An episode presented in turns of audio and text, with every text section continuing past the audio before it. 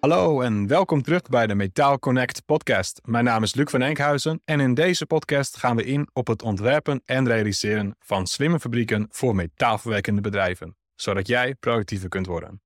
Vandaag is Laurens Singeling hier te gast om met ons te praten over zijn transformatie naar een digitale fabriek bij Singeling Constructie Lastechniek. Laurens, welkom bij de show. Hey Luc, dankjewel. Kun je even kort vertellen over wie je bent en wat je zoal doet? Ja, natuurlijk. Ja, ik ben Laurens Singeling. Ik ben vierde generatie uh, binnen ons familiebedrijf. Ons familiebedrijf bestaat nu meer dan 80 jaar. En uh, ik ben verantwoordelijk voor uh, de digitalisering. Ik ben ook mede-eigenaar. Uh, en daar wil ik graag wat over vertellen straks in de podcast. Nou, geweldig. dank dat je erbij bent. Ja, uh, er is mij genoeg te vertellen. Wij kennen elkaar natuurlijk ook van uh, eerdere samenwerking. Uh, ik had er heel lang jou op mijn wensenlijst om een keer uit te nodigen. Ik vind het geweldig dat je even de tijd neemt. ja, kun je misschien even beginnen met het, het verhaal hoe jij in je huidige rol bent terechtgekomen waar je nu zit? Ja, dat is wel een leuk verhaal. jij en ik kennen het verhaal waarschijnlijk al heel goed, maar het is wel leuk om te vertellen aan de luisteraars. Ja. Ehm, ik heb gestudeerd in Amsterdam werktuigbouwkunde waar ook jij bij mij in de klas zat. Uh, dus dat wel, was wel leuk. En in mijn tweede jaar uh, wilde ik graag uh, zaterdag bij mijn vader in het lastbedrijf werken. want dan hoefde ik niet vakken te vullen bij de Albert Heijn of bij andere supermarkt. maar dan kon ik mooi twee vliegen in één klap slaan. Namelijk, ik had op school geleerd 3D tekenen. En dan dacht ik, ja, als ik dan bij mijn vader op zaterdag kan 3D tekenen, dan verdien ik en geld. en ik ben meteen ook met mijn skills bezig wat ik voor school nodig heb. En ja, jij had ook al connecties met ons bedrijf vanwege je eerdere studie bij ons. En toen konden wij mooi op zaterdag dus uh, gaan werken. En uh, jij was bezig met het ERP-systeem bij ons uh, te implementeren. En ik was 3D-tekeningen aan het maken voor de productie. En dat ging eigenlijk zo goed dat mijn vader zei van ja, leuk dat je er bent. Maar zet ook even de leesnijmachine aan, want dan heb ik er ook nog wat aan. Dus ja, dat gingen wij dan ook samen doen. En dan leerde ik dus ook lezen snijden. Uh, en dat ging eigenlijk heel goed. Dus dat uh, jaar erop, in het derde jaar van de studie, ging, deden we dat ook. En toen zagen we ook, hey, uh, voor bepaalde vakken moeten wij een value stream map maken. We moeten een 5S-plan schrijven. Of andere bedrijfsoptimalisatieplannen. En dat deed ik dan het liefst voor mijn vaders bedrijf. Want dan had hij er ook nog wat aan. En we kenden het bedrijf ook goed. Dus dan kon al heel snel die opdrachten maken. Uh, dus ja, enerzijds waren we op zaterdag aan het werk en anderzijds, het eind van de werkdag ging we tegen onze schoolopdrachten maken. Ja, dat vond ik wel mm. eigenlijk heel leuk. Dus later dat je ook nog andere stages gaat lopen bij machinefabrieken, zag ik al heel snel dat ik het toch het leukst vond om bij mijn vaders bedrijf te werken, want daar wist ik gewoon meer en dan kon ik meer. En uiteindelijk na mijn studie ben ik dus ook uh, bij mijn vader in de zaak gegaan. En toen heb ik uh, mijn afstudeerproject geïmplementeerd. Dat ging over uh, de 1090 Noord die als lastbedrijven nodig hebt om constructiedragende delen te, maken. En die heb ik dus die normen onderzocht en geïmplementeerd. En eigenlijk na mijn eerste jaar uh, mocht het bedrijf gaan verhuizen. En toen kreeg ik samen met de productiedirecteur, uh, Tom Brakenel, kreeg ik de opdracht van mijn vader om eigenlijk de verhuizing te gaan realiseren en te implementeren en in te richten. Dus toen mocht ik uh, al vrij snel de, nieuwe, ja, nieuwe locatie inrichten met waar komen de kantoren, hoe gaat de productstroom lopen. We willen misschien nog nieuwe machines kopen en dat hadden we toen ook gedaan. We hadden een nieuwe fiberlaser kop. Uh, dus ja, dan werd je heel snel betrokken bij het uh, inrichten van je bedrijf. Nou, dus uh, nou, zo kwam ik op een gegeven moment helemaal in uh, om beslissingen te nemen over waar welke machine moest staan. En op een gegeven moment ook nog wat voor software we willen gebruiken. Dus dat was wel uh, heel vet. Kun je de luisteraars misschien even een beeld geven van uh, waar jullie ongeveer vijf jaar geleden stonden? Qua aantal mensen, locatie, omvang, et cetera. en, en, waar jullie nu staan? We waren een, een echt SaaS-bedrijf wat al 60 jaar in het centrum van Zaandam zat heel dichtbij uh, het station. Ja, waren wij met ongeveer 18 medewerkers. Ik denk drie werkvoorbereiders, uh, tot zijn tien lasters, een paar man directie en een chauffeur en ik. En toen we gingen verhuizen, qua, oh ja, het pand was dan op 800 vierkante meter, denk ik. En toen we gingen verhuizen, gingen we op gegeven moment naar een pand van 3000 vierkante meter. Uh, en hadden een nieuwe laser gekocht, dus er kwam ook weer kosten bij. En toen zagen we heel snel van, oeh, dat wordt best wel, uh, best wel veel kosten hebben we straks. Uh, dus we moeten echt wel gaan groeien met klanten en met collega's. Um, en toen hebben we eigenlijk uh, afgelopen vijf jaar elk kwartaal, elk half jaar wel een nieuwe collega aangetrokken. Die we dan op plek zetten waar op dat moment de bottleneck was. Of het nou het uitruimen van de laser was of het kanten op de lassen. Elke keer kwam er iemand bij. En nu uh, zitten we zo rond de 30 mensen. Uh, dus ja, het is wel echt een verdubbeling geweest. En de hal, ja, het is ook veel groter. Cool. Uh, en ja, het was zeker inderdaad een hele mooie transformatie om dat mee te kunnen maken. laten we even dan nu naar het onderwerp voor vandaag gaan. jij hebt natuurlijk binnenkort nog de, een open dag met ondernemers van de metaalindustrie. Natuurlijk toch? Van TechNow, zeg ik dat goed? Ja, het is een TechNow evenement over productiviteit. En daar krijg ik mensen die langskomen training over hoe je je bedrijf kan productiever, productiever kan maken. Mhm. En dat wilden ze graag bij ons organiseren, omdat wij twee jaar geleden de Smart Manufacturing uh, Award hadden gewonnen van ons district, van district Noordwest. En ja, dus tijdens die uh, middag kunnen wij ook ons bedrijf laten zien. En dan wordt het dus eigenlijk die kennisdeling uh, tegen het licht gehouden hoe wij dat doen. En hebben een leuke interactieve middag. Uh, ja. Hoe heb je 5S geregeld? Hoe heb je QRM gedaan? Hoe heb je digitalisering opgezet? Hoe werkt dat? Kan je het laten zien? En uh, ja, dat, ik denk dat het wel heel leuk wordt.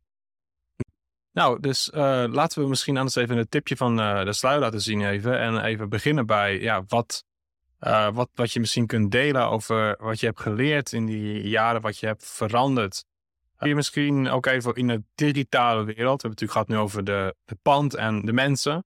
Uh, misschien kunnen we even beschrijven hoe de situatie ook een aantal jaar geleden was. En hoe, hoe je dat dan hebt omgetoverd tot waar je nu staat. Kun je daar misschien een verhaal bij schetsen?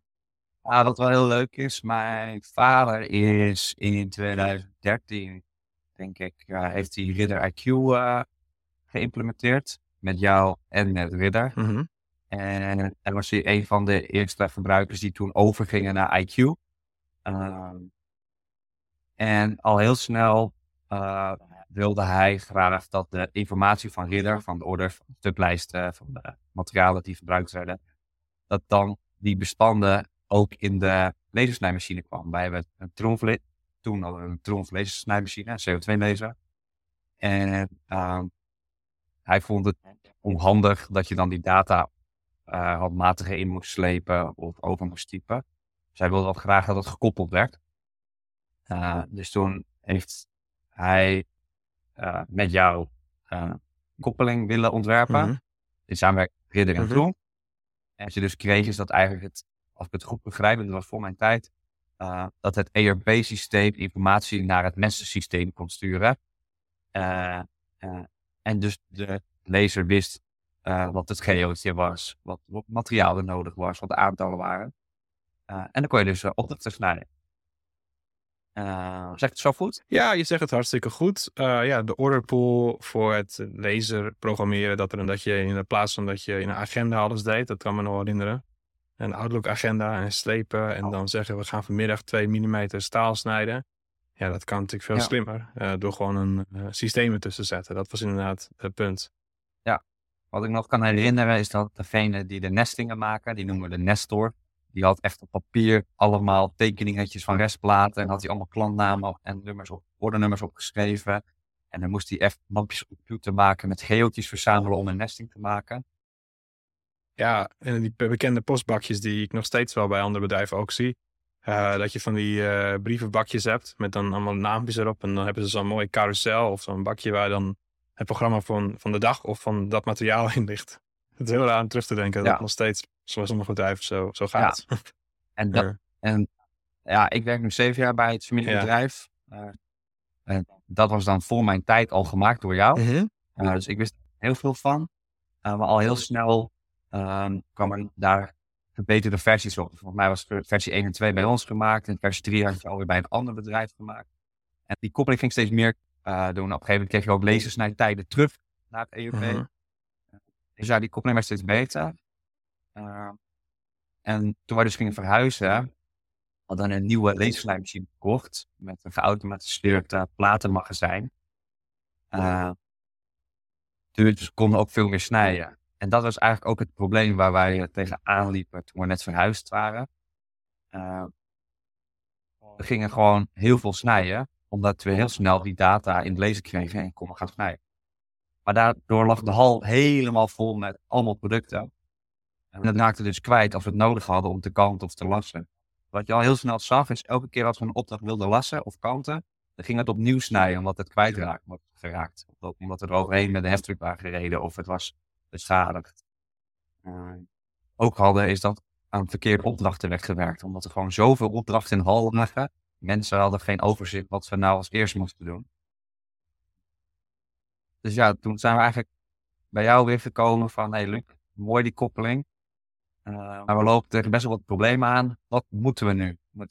Hoe moeten we het oplossen? En toen kwam jij uiteindelijk met het idee om, ja, toen ik over QRM, om te beginnen met QRM. En ik wist daar nog niet zoveel van. Uh, maar toen heb je mij uh, uitgelegd wat was. En toen zijn we eigenlijk een ontwerp gaan maken over wat dat voor ons kan betekenen. QRM. Mm uh, ja, dat was wel nieuw, want dan gingen we op een gegeven moment niet alles snijden tegelijkertijd, maar alleen vijf orders aan het begin van de dag van alleen deze gaan we snijden. dus dat is wel anders. Ja, we zitten nu een beetje in de tijdlijn van een, van een kort periode geleden. En als jij hoorde voor het eerst over QRM en misschien ging je googlen, wat, wat was je eerste indruk ervan? Wat begreep je als eerste van die methodiek? Um, en, en, en ja, wat was je eerste indruk daarvan? Laten we daar beginnen. En ik eh, van horen van jou, toen heb ik eerst super veel YouTube gekeken. Wat is dat nou? Ja. Uh, om gewoon te snappen wat het was. En wat ik er wel van snel begreep, is dat je op een of andere manier, hoe wist ik niet, dat je dus de tijd tussen bewerkingen, dus dat een product op de grond op pallet ligt te wachten tot hij opgepakt wordt, dat je die korter ging maken. Dus als iets bijvoorbeeld een kwartiertje snijden is, half uurtje lanten en twee uurtjes wassen, dat zou in theorie dus in één dag klaar moeten zijn. Maar in de praktijk zag je dan dat zo'n product een week lang op de grond lag te wachten tot de volgende bewerking, persoon die bewerking uitvoert, bijvoorbeeld kant. Dus dat snapte ik er wel snel aan. Wat, wat wij namelijk deden qua planning. We gaan niet snijden, we gaan volgende week kanten en de week erop lassen. Mhm. En dat duurde dus drie weken. Uh, maar hoe dat dan allemaal moest en hoe je dat allemaal moet organiseren, had ik echt geen idee over. Maar ik snapte wel dat je dus ging kijken van, hey, hoe kan je zo snel mogelijk naar snijden met ook kanten. Dat was uh, wel vrij snel duidelijk.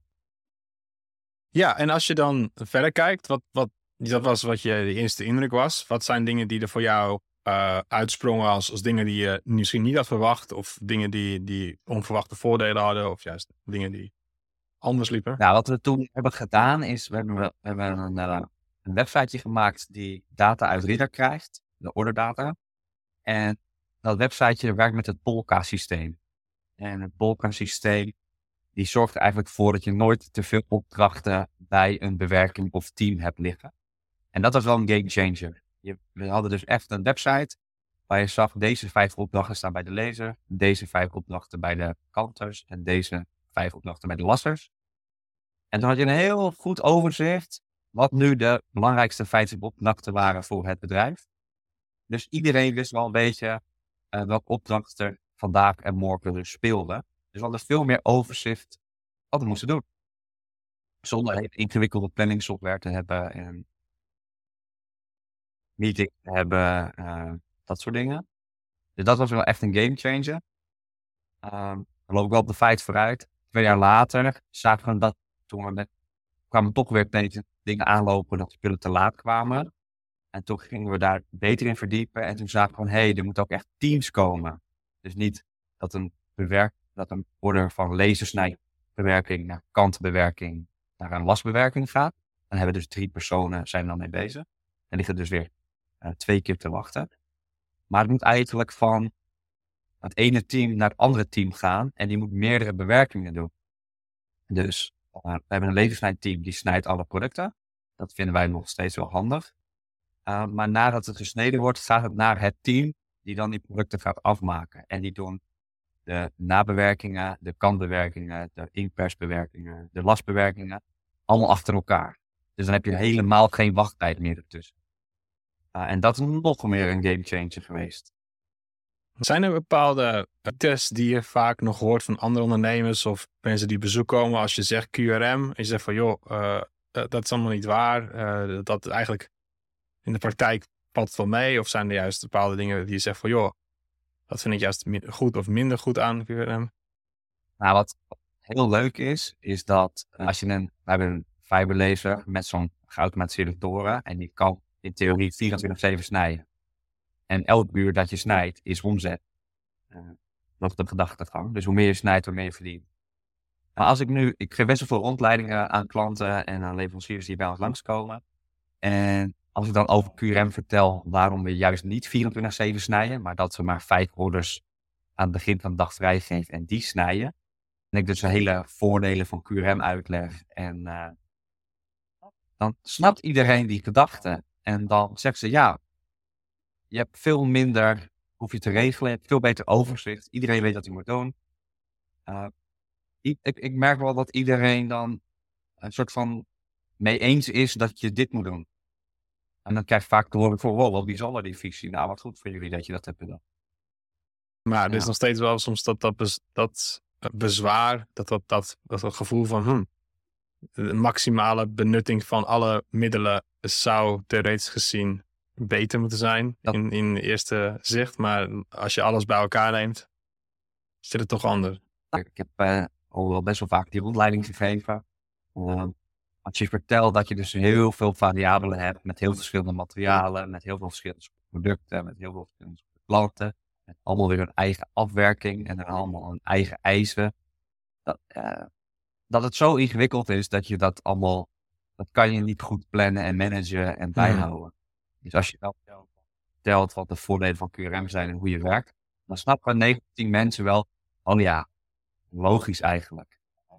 En als zou jij een autofabrikant zijn en je maakt duizend dezelfde auto op een dag, ja, dan ga je geen QRM doen. Dan ga je uh, ook zo believen. dus mensen het wel hoor.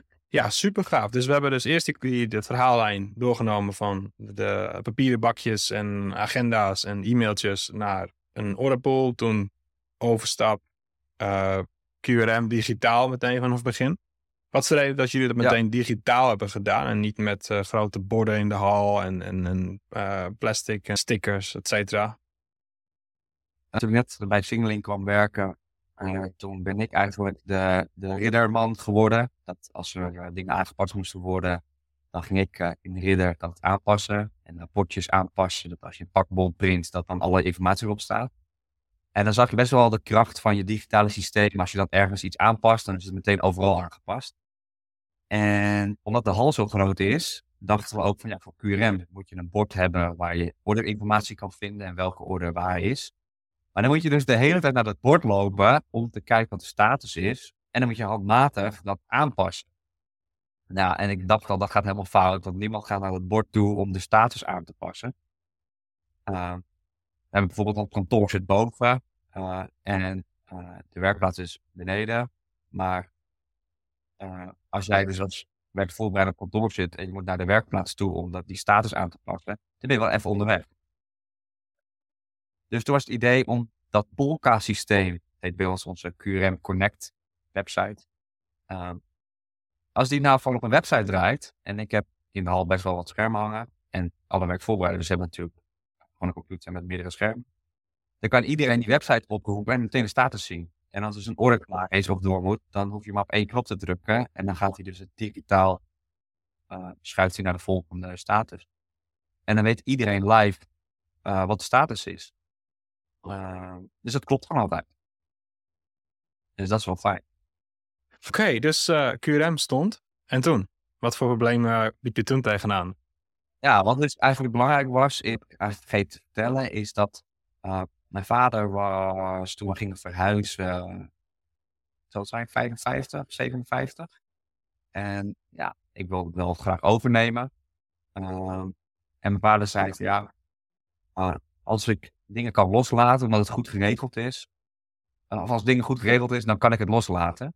Dus toen zei van, oké, dan gaan we eerst de planning en de productieaansturing uh, bij je weghalen. En dus met QRM kon dat. Dan konden we beter plannen en mensen zagen, konden veel beter anticiperen op orders. Dus mijn vader hoefde zich daar niet meer mee te bemoeien. Dus dat was wel fijn. Dus op een gegeven moment was dus een stukje productieplanning en mensen en productie aansturen, was door QRM bij weggehaald. En kon ik dat samen met Tom doen en uiteindelijk ook met de werkvoorbereiders en de mensen in de productie. En toen zei ik van, oh ja, uh, mijn vader kon zich dan focussen op verkoop. En met verkoop is voornamelijk uh, offertes maken. Steeds meer klanten gingen offertes vragen voor opdrachten. En mijn vader maakte meer dan duizend offertes per jaar. Vroeger, dat ik nog studeerde, was hij ook elke dag tot elf uur s'avonds offertes aan het maken. Thuis. Uh, dus die was echt super veel aan het werk. Dus we dachten van, hoe kunnen we nou zorgen dat we met een bepaald systeem, dat iedereen offertes kan maken van kantoor. Uh, dat niet straks als Johan of mijn vader ermee stopt, dat ik dan duizend offertes per jaar moet gaan maken. Uh, maar dat we met het hele team, we zijn nu met ongeveer tien man op kantoor, waarvan als ik kijk, acht werkvoorbereiders. En dan nog Tom en ik. Nou, dan moet iets voorkomen dat we dus een, een systeem hebben die, waar we offertes mee kunnen maken. Dat ik een offerte maak op mijn vader, dat hetzelfde prijs eruit komt. Uh, en toen zijn we weer bij afgekomen. En zei, nou, Luc uh, gebruikt al software van Trump, Calculate. Er komen dus al snijdprijzen, uh, leefsnijdprijzen en kantprijzen berekenen. maar niet het lassen, niet het poederkoten. Is er, is er iets waarbij wij dus calculeren kunnen automatiseren, zodat we dat kunnen overnemen van mijn vader? dus toen heb je onderzoek voor ons gedaan.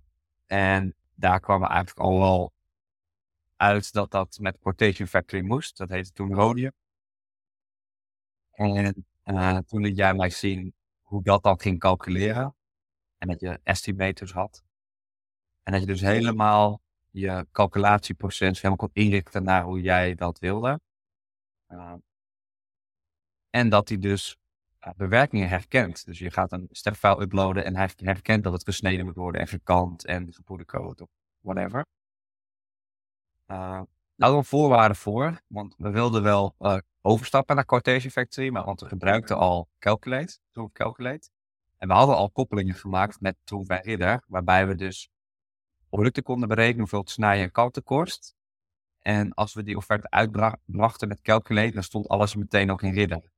Nou, dus eigenlijk hij vulde je offerte en hij maakte dus ook stuklijsten aan met de juiste materiaalsmaken, met de juiste bewerkingen, met de juiste tijden. Uh, en Quotation Factory hadden geen koppeling mee met Tron. Dus we hadden een mooi gesprek met hen en met jou. Van dat we pas wilden overstappen als die koppeling er was.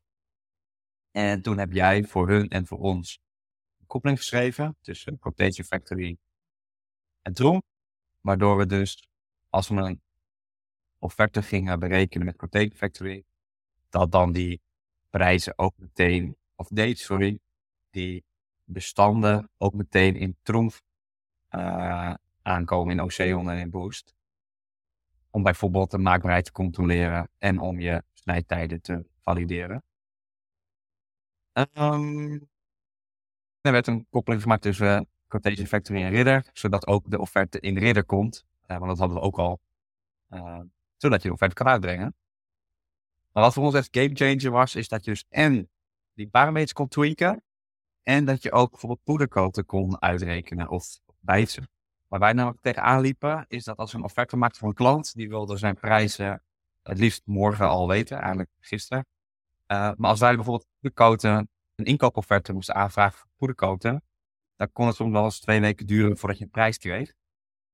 En nu met Quotation Factory hebben we het eigenlijk zo ingericht dat we al kunnen voorspellen wat het gaat kosten voor het poederkoten.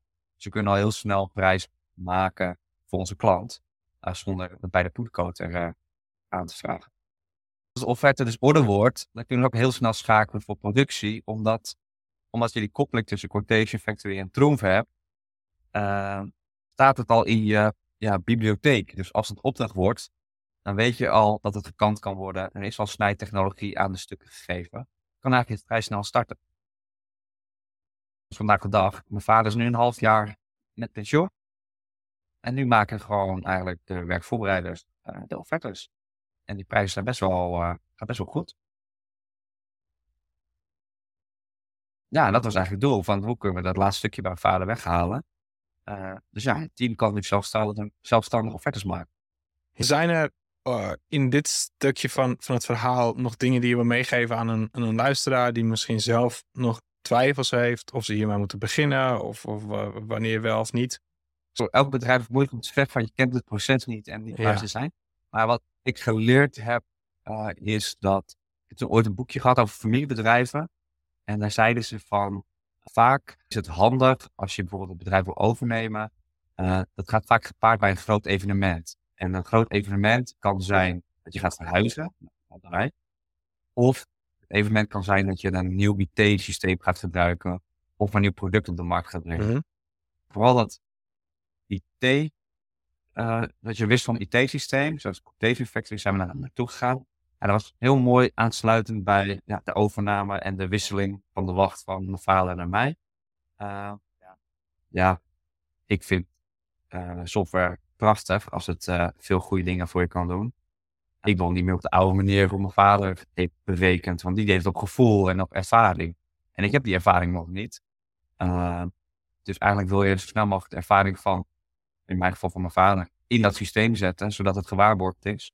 En het dan weer verder kunnen. Mm. Ja, dus aan de ene zijde is het om kennis vast te leggen. En anderzijds om te automatiseren. Uh, maar goed, als iemand anders zegt, ja, ik neem, doe het gewoon op dezelfde manier ook. Ja, kan je ook doen. Uh, ik denk ook een beetje je stijl misschien. Oké. Los van de digitale wereld heb jij natuurlijk ook inderdaad de wisseling van de wacht gehad. Um, en als ik begrijp is het de vierde generatie die, die jullie nu hebben voor Singeling. Klopt dat nu? Jij bent nu de vierde generatie. Ja. Uh, kun je misschien daar even tussendoor wat meer over vertellen? Hoe, hoe, is dat gegaan? Wat is daar de historie aan? En misschien wat, wat, wat leerpunten die je hebt opgedaan uh, in zo'n uh, overgang eigenlijk? Van naar, naar, naar jouw generatie. Wel, uh, waar ik nog mazzel mee heb, is dat mijn vader altijd wel heel erg vooruitstrevend was met systemen. Omdat je heel veel zelf moet doen, wil je dat heel veel automatisch gaat, dan hoef je het niet meer te doen. Mm -hmm. dat, ik, dat, ik denk dat dat een beetje het idee is. En doordat we gingen verhuizen, voor mijn vader is het over vijf of tien jaar gaat hij mee stoppen. Dus er moet een exit-strategie komen dat hij uh, uh, kan minderen. Uh, dus ik heb eigenlijk al vijf jaar lang het doel gehad van ik moet het zo inrichten dat hij steeds minder hoeft te doen, zodat ik het kan overnemen. Dus ja, ehm, ik heb van vijf jaar lang eigenlijk een super groot project gehad met zoveel mogelijk automatiseren en veranderen, zodat het mijn ding wordt en dat ik snap hoe alles werkt. Zodat hij steeds minder hoeft te doen. En ja, uiteindelijk mijn vader dan uh, een half jaar geleden dan gezegd ik stop ermee. En hij is dan ook wel weer zo dat als je zegt ik stop ermee, dan stopt hij ook meteen de volgende dag mee. Uh, dus dat ging best wel heel erg uh, van hak op de tak. Maar aan de andere kant, je bent al vijf jaar met elkaar bezig om te zorgen dat hij steeds minder hoeft te doen. Mm -hmm. Dus ook weer niet verrassend dat het gebeurde. Maar dat is denk ik ook weer voor iedereen anders. De ander zegt, ja, ik ga eerst vijf dagen minder werken en dan uh, langzaam uitfaceren. Ja, ik denk, nou, dan moet je met elkaar bespreken. En ja, wat is je stijl? Je hebt met andere ondernemers misschien ook hebben gesproken. Andere jonge uh, ondernemers die, die de zaak van hun, hun, hun, hun ouders willen overnemen. En, en daar heb je zo verschillende uh, ja, adviezen over gekregen. En wat, wat waren volgens jou echt hele waardevolle tips die je hebt gehad, los van de, de softwareverandering die je noemde? Zijn er nog meer van dat tips die je hebt gehad in, in dat, dat, zo'n traject? Vragen die je moet stellen aan jezelf? Uh, ik ben toen ik net begon met werk al heel snel bij de metaal Young Management uh, aangesloten. Uh, heb je evenementen dat je met mensen onder de 40 die een leidinggevende rol hebben in een familiebedrijf of gewoon familie zijn, daarmee kan meeten en dan kan je leuke dingen doen of uh, bedrijfsbezoek zijn daar. Uh, en dan zie je gewoon dat iedereen dezelfde struggle heeft van ja, jij wilt het veranderen en je vader misschien niet. Dat hoor je heel veel. Dat viel me wel op. Uh, en de Metaalunie organiseert ook veel evenementen van, hey, hoe moet je zoiets overdragen? Wat ik denk bij ons goed ging, en uh, ik weet niet hoe ik moet zeggen, maar mijn vader was er altijd wel open in om het te bespreken. En ik kreeg heel veel vrijheid om dingen te veranderen. Uh, en ik heb dat wel eens met hem besproken, dat hij zei, ja, ik krijg die vrijheid om het te veranderen. Maar als het niet goed gaat, dan krijg je steeds minder vrijheid. Dus aan de ene kant moet het goed gaan. Uh, maar ja, omdat je er zo elke dag mee bent, uh, je zit er zo bovenop, je maakt het gewoon goed. Ja, het kan niet zo zijn dat je elke dag mee bezig bent en dat dan niet goed wordt. Ja. Ja. Je bent gewoon elke dag mee bezig. Dus je bent aan het bouwen aan iets en dat komt dus echt wel af. Ja, ja super. Waardevolle tips dus in principe gewoon aan werken. Uh, een grote verandering kan helpen juist. Dus je kan zien als een obstakel worden, maar dus ook als een kans. Dus om de, de, de verandering door te voeren, ook cultuur technisch gezien. Want dat is eigenlijk de, volgende punt die ik even met je wil doornemen. Uh, we hebben het nu gehad over ja, de hall, de software tools. Er zullen vast nog een paar andere namen voorbij komen. Maar je hebt ook mensen. En mensen zijn natuurlijk ook al een lange tijd in een bepaalde werkwijze gewend. Uh, hoe pak jij dat aan met je teams? Uh, doe je het heel sturend of juist heel vrijheid geven daarin? Uh, wat, wat kan je daarover vertellen? Ja, heel veel veranderingen heb ik altijd wel qua met software met jou besproken. En jij kwam met het idee, zo en zo gaan we doen. En vaak was ik dan heel enthousiast en dan ging het wel al mensen een beetje vertellen van waar we naartoe gingen. En dan ga je natuurlijk aan de mensen vertellen waarvan je verwacht die dat ook vet vinden. Dus dan heb je eigenlijk al in een positieve gesprek en dan ga je dus gewoon doen. Uh, dan denk je alleen maar, ja, dit is het, dit is het, dit gaan we gewoon doen. Uiteindelijk kom je wel bij de implementatiefase en moet je mensen overhalen. En uh, vertellen wat er gaat veranderen. Ja, er zijn mensen die, uh, willen, die willen het eerst zien en dan geloven. wat wij dan vaak ook hebben gedaan, is dat oude systeem meteen offline gehaald. Zo werken we niet meer. Dus je kan ook niet terug. En het moet maar gewoon. dat hebben we al een paar keer gedaan. Ja, dat ging wel oké. Okay. Uh, moet ook veel uitleggen. Uh, erbij zijn als ze vragen hebben. Je moet gewoon begeleiden, je moet erbij zijn. Je moet ze niet loslaten. Ja, dat ging wel aardig. Ik heb toen, toen we QRM hadden geïmplementeerd, toen had ik mij een jaar uh, niet echt dat de levensbetrouwbaarheid veel beter werd. Het ging wel beter, maar niet wat ik had gehoopt. En toen had ik een, uh, een HR student van de Hogeschool van Amsterdam. Die kwam eigenlijk via via bij ons. Die zei, ik wil uh, iets met verandermanagement doen. Toen dacht ik, wow, dat heb ik nodig, want uh, ik heb net dat QRM geïmplementeerd. En toen heeft ze onderzoek gedaan en toen kwam er gewoon heel simpelweg uit dat mensen niet meer goed hadden onthouden wat nou precies de bedoeling was. En dat ik het allemaal te snel had uitgelegd. Dus toen gingen gewoon alles weer opnieuw uitleggen en presenteren en spelletjes meedoen, dat het ging leven. En toen ging het wel goed, het ging steeds beter ik ben natuurlijk elke dag met die verandering bezig en met die systemen bezig. Dus voor mij is het allemaal heel duidelijk. Maar dan ga ik het aan iemand uitleggen die er misschien nog nooit van gehoord heeft of twee keer. Ja, die gaat dat niet in één keer snappen. En dat is dan weer de valkuil voor mij. Heel Als ik eruit op mag maken is vooral dus de, het, het weghalen van het oude. Het, het erbij blijven, hoor ik je duidelijk zeggen. Uh, het versterken wat er gebeurt en het blijven herhalen en informeren wat de, zeg maar, de transformatie of het plan is. Ja. En uitleggen hoe het dus werkt. Dus je moet gewoon vaak uitleggen hoe het werkt. Uitleggen hoe het werkt. Oké. Ja. Ja, of wat de achtergrond ja. is. We hebben op de vloer bepaalde plekken waar je producten moet neerleggen mhm. van bepaalde ja. Maar dat gaat nog wel oud. Dan moet je niet iemand uh, blikken geven, maar gewoon weer dat team bij elkaar roepen en weer even uitleggen. Dit is de routing, dit vak is daarvoor, dat vak is daarvoor. Ik vind dat een hele duidelijke uh, pakket van, van, van, tips die je kunt meenemen, denk ik, als luisteraar. Dus uh, het eerste is dus het oude weg. Proberen te halen zo snel als het kan. Het overdragen van de kennis, het blijven versterken van die, die kennis, informatie die er is. Uitleggen waarom, meenemen. Wat uh, hebben jullie nog meer allemaal te delen? Nou, wat ik heel tof vind om straks te laten zien, is dat bij ons heeft iedereen een uh, tablet. En daar draait de applicatie uh. En Azamuta is een, een, een shop voor app, een soort van werkinstructie app. Waar je kan zien hoe je iets moet maken met welke stappen. die app kunnen medewerkers bij ons in de werkplaats, als ze iets moeten maken, stappen volgen, hoe je iets moet maken. En ook drie, werktekeningen vragen digitaal. En iedereen heeft het over dat we digitaal willen werken en dat de productie digitaal moet zijn. Maar dat Asmuta hebben we ook gekoppeld weer met Ridder. Uh, dus wat heel vet is, als je dus een opdracht hebt en je moet uh, verschillende producten maken uit verschillende smaken, met verschillende bewerkingen, dan exporteren we dat allemaal naar die app. Met een koppeling op die tablet. Als jij bijvoorbeeld iets moet kanten, dan zie je de stappen hoe je het moet kanten. Er kunnen extra instructies bij staan van let op dit en uh, eerst uh, aanleggen met de bolle kant, ik zeg maar wat. maar ook in die instructies zit dus een, een, een, instelplan voor kanten met een QR-code. Die dus die kanbank kan scannen, zodat die kanbank meteen het kantprogramma oproept. maar er zit ook een werktekening voor de lassers, waarbij ze dus heel makkelijk digitaal die werktekening kunnen, erbij kunnen pakken. Vroeger hadden we namelijk werkplaatboekjes. Die kon je dan met de Reader kon je een werkplaatsbon uitprinten. En dan kwamen er uh, tien bonnen uit met tien tekeningen. Ja, dat raakt allemaal weer of je moest meerdere boekjes printen. En dan kwamen dus, nou, sommige boekjes hadden soms wel 20 pagina's. Dus had je nou, vijf boekjes printen, 100 pagina's kwamen er dan uit.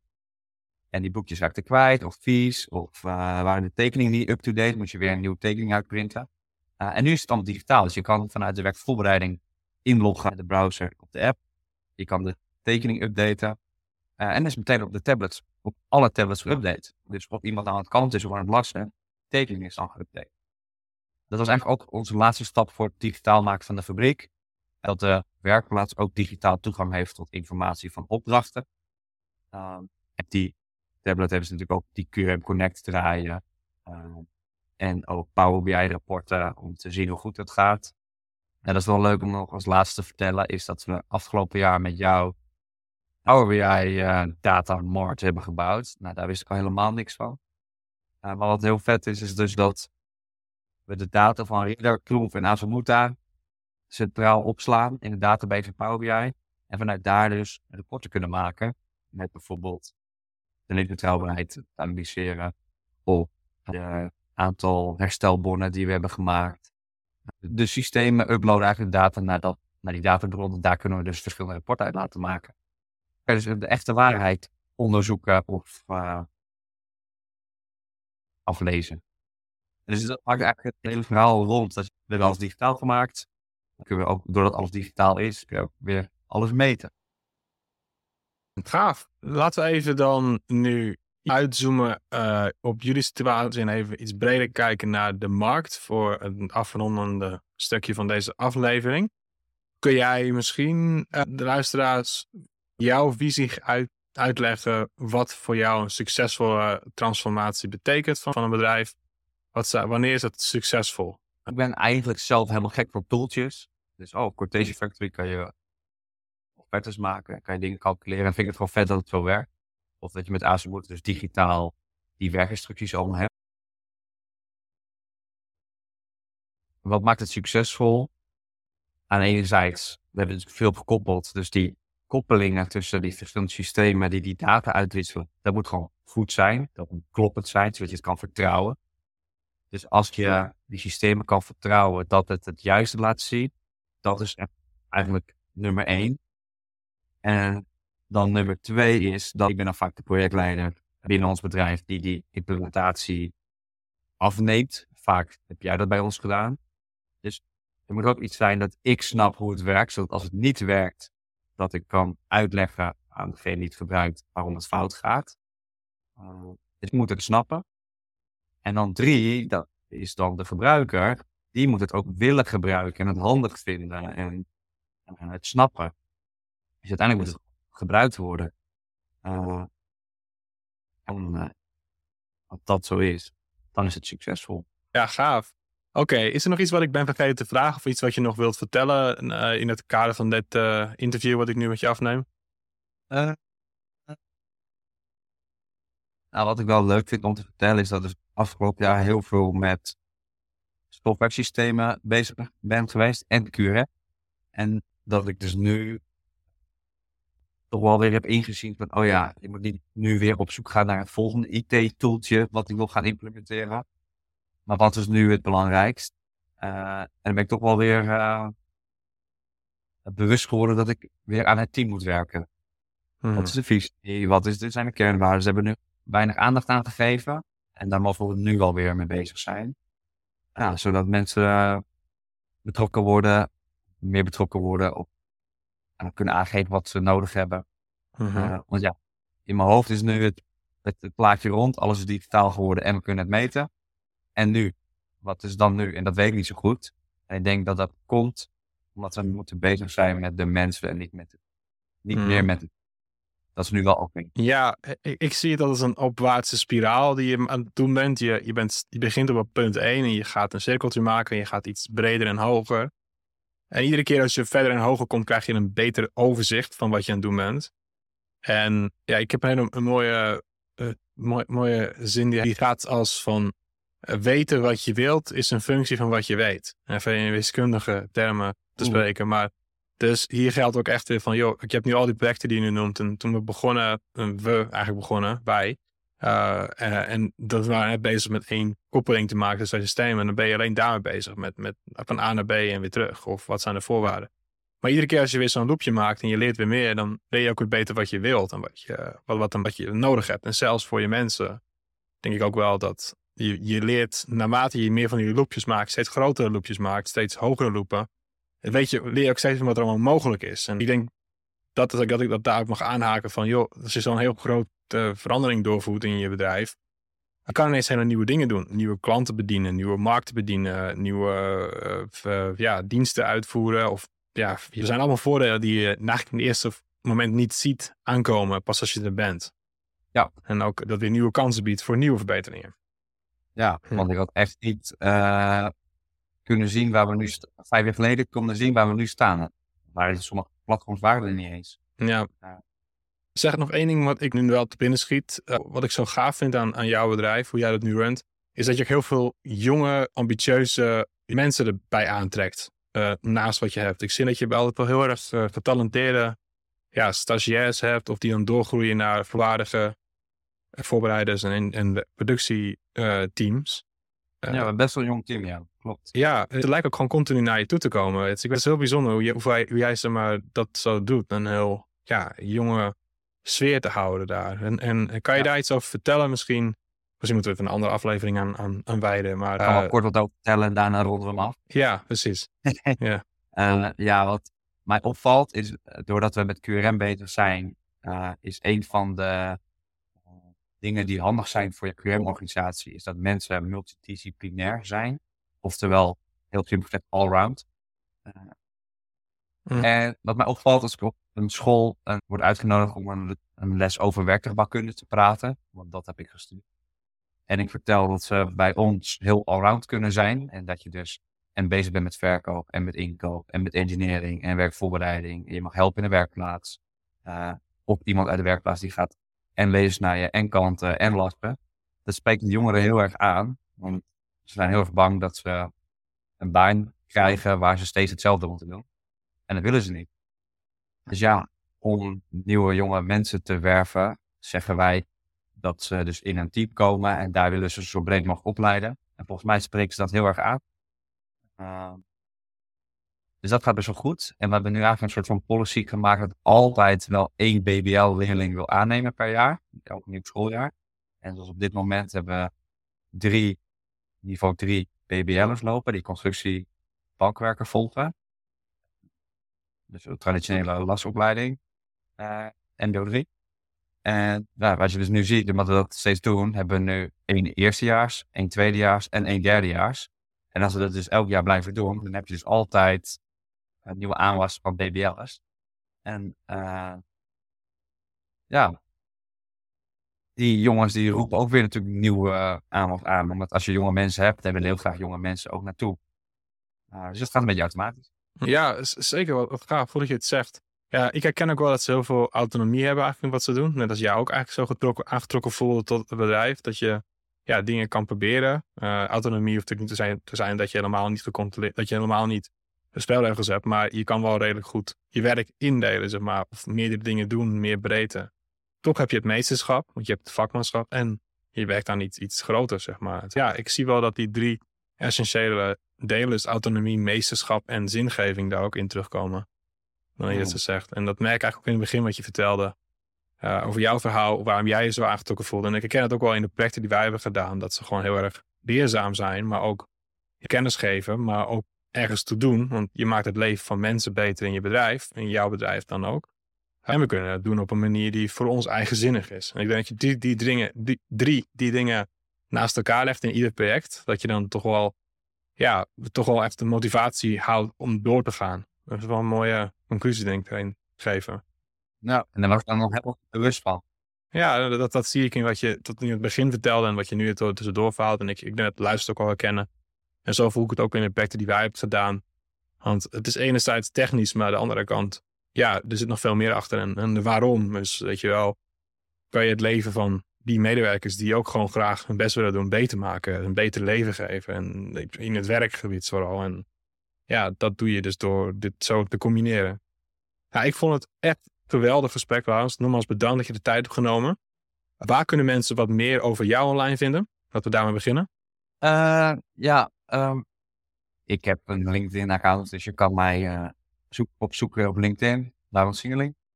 Uh, en we hebben ook een website www.singeling.com en daar staat meer informatie over ons bedrijf. Dus dat zou je kunnen opzoeken. Oké, top. Nou, uh, Laurens, bedankt. En ook luisteraars, jullie bedankt voor het luisteren. Um, als je het gesprek nuttig vond, uh, vermakelijk vond, luister de volgende keer natuurlijk weer mee naar de Metaal Connect podcast. Ken je zelf nog iemand die een verhaal heeft om te delen en wil deelnemen misschien? Stuur mij gerust een berichtje. En natuurlijk op alle bekende platformen is het gepubliceerd. van iTunes, podcast tot Spotify, Amazon. Dus uh, abonneer daar ook even als je het leuk vindt, want dan uh, ja, het helpt mijn show ook weer verder. Um, hartelijk bedankt en uh, tot in de volgende aflevering. En Laurens ook, nogmaals bedankt hè. Dankjewel. Hoi.